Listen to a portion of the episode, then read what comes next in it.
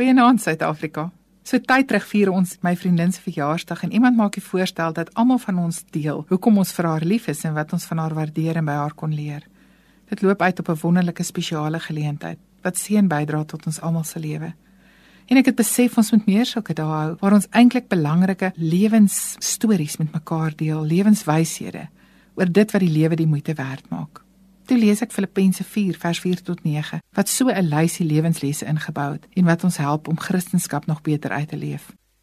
Ek lees vir julle net een vers wat sê wees altyd bly in die Here. Ek herhaal wees bly. Wees inskikkelik teenoor alle mense van die Here is naby. Die eerste van hierdie wyshede is wees bly, nie oor iets kleins of groots wat met jou gebeur het nie, maar wees bly in die Here en oor die Here en omdat hy die Here is en omdat hy toelaat dat jy en ek met hom in 'n liefdesverhouding mag wees. Onthou, maak nie saak wat in jou lewe gebeur het of wat jy moet doen nie. Jy is nie alleen nie. Die Here is by jou.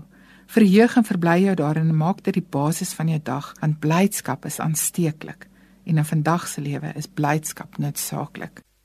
Dan is die volgende belangrike ding: wees inskikkelik teenoor alle mense.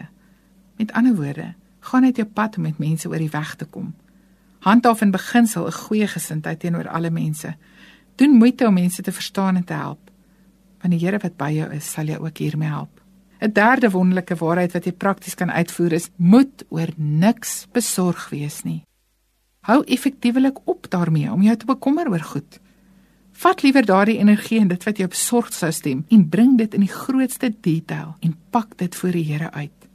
Nie dat hy dit nie reeds weet nie, maar dat jy die aksie neem om dit wat jy nodig het, dit wat jy begeer by sy voete te plaas en aan sy voorsiening en versorging oor te laat. Jy doen dit sodat jou bekommernis en die moeilikheid van jou daaglikse bestaan jou nie verteer nie, maar sodat jy vrede, 'n diep vrede sal ondervind en dan rustig kan aangaan met dit waartoe jy geroep is. Die laaste aktiwiteit wat jy doelbewus kan oefen en toepas, is orden jou gedagtes en hoe jy oor goed dink. Dink daaraan asof jy die volgende leers in jou kop oopmaak en daarvolgens jou denke en dade laat voortvloei. Die name van hierdie leers sal wees waarheid, eerlikheid, regte dinge, mooi dinge, reinheid, prysdeeg en lofwaardige sake en enige ander name wat hierby sou inpas. Hierdie manier van dink is positief. Dit hou jou oog gerig op wat vir God goed en reg is. Dit gee jou ook perspektief op moeilike sake. Verder lei dit jou gedagtes weg van bekommernis en dit gee aanleiding tot positiewe en opbouende aksies teenoor ander mense en dit dra inherente vreugde omdat jy weet God het jou lief. Help ons, o Heilige Gees, om hierdie vier goed in ons lewe te implementeer tot U eer. Amen.